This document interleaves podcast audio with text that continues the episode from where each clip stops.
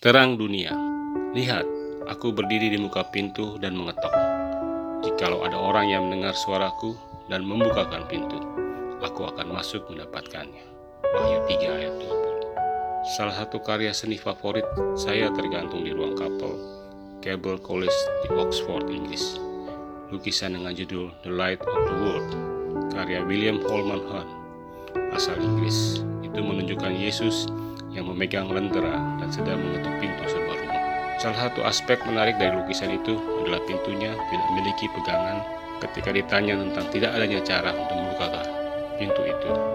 Han menjelaskan bahwa ia ingin memberikan gambaran yang sesuai dengan Wahyu 3 ayat 20. Lihat, aku berdiri di muka pintu dan mengetok. Jika ada orang yang mendengar suaraku dan membukakan pintu, aku akan masuk mendapatkannya. Tulisan Rasul Yohanes dan lukisan itu menggambarkan kebaikan hati Yesus.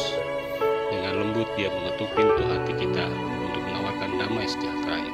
Yesus berdiri dengan sabar sambil menantikan respon kita.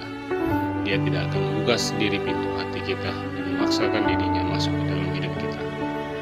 Dia tidak memaksakan kehendaknya atas kita. Alih-alih Yesus menawarkan anugerah keselamatan kepada tiap orang dan terangnya untuk menuntun Kepada tiap orang yang membuka pintu hatinya, Yesus berjanji akan masuk dan mendapatkannya.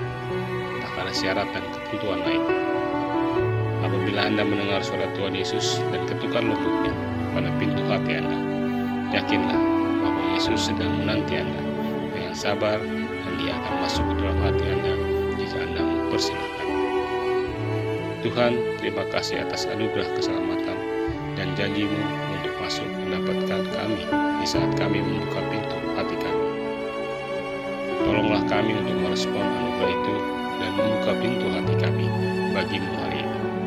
Bukalah pintu hatimu untuk Yesus, dia dengan sabar menantimu membukanya. Mengapa Yesus seperti Musa dan para nabi sebelumnya? Mengingatkan kita, mungkin saja seseorang tidak memperhatikan meski tampaknya melihat, tidak menyimak meski tampaknya mendengarkan, tidak mengerti meski tampaknya tujuh kali dalam surat-surat kepada tujuh jemaat. Tuhan yang telah bangkit memberi nasihat bagi setiap orang yang bertelinga dan mau mendengar. Tujuh kali dia mengulangi pesannya pada orang-orang yang sudah menganggap dirinya sebagai umat percaya. Siapa bertelinga, hendaklah ia mendengarkan. Mengapa pesan ini harus diulang-ulang? Apa saja pengalih perhatian yang disebutkan dalam surat ini? Kita membutuhkan Allah lebih dari udara yang kita hirup setiap hari apa saja yang bisa mengalihkan perhatian kita darinya.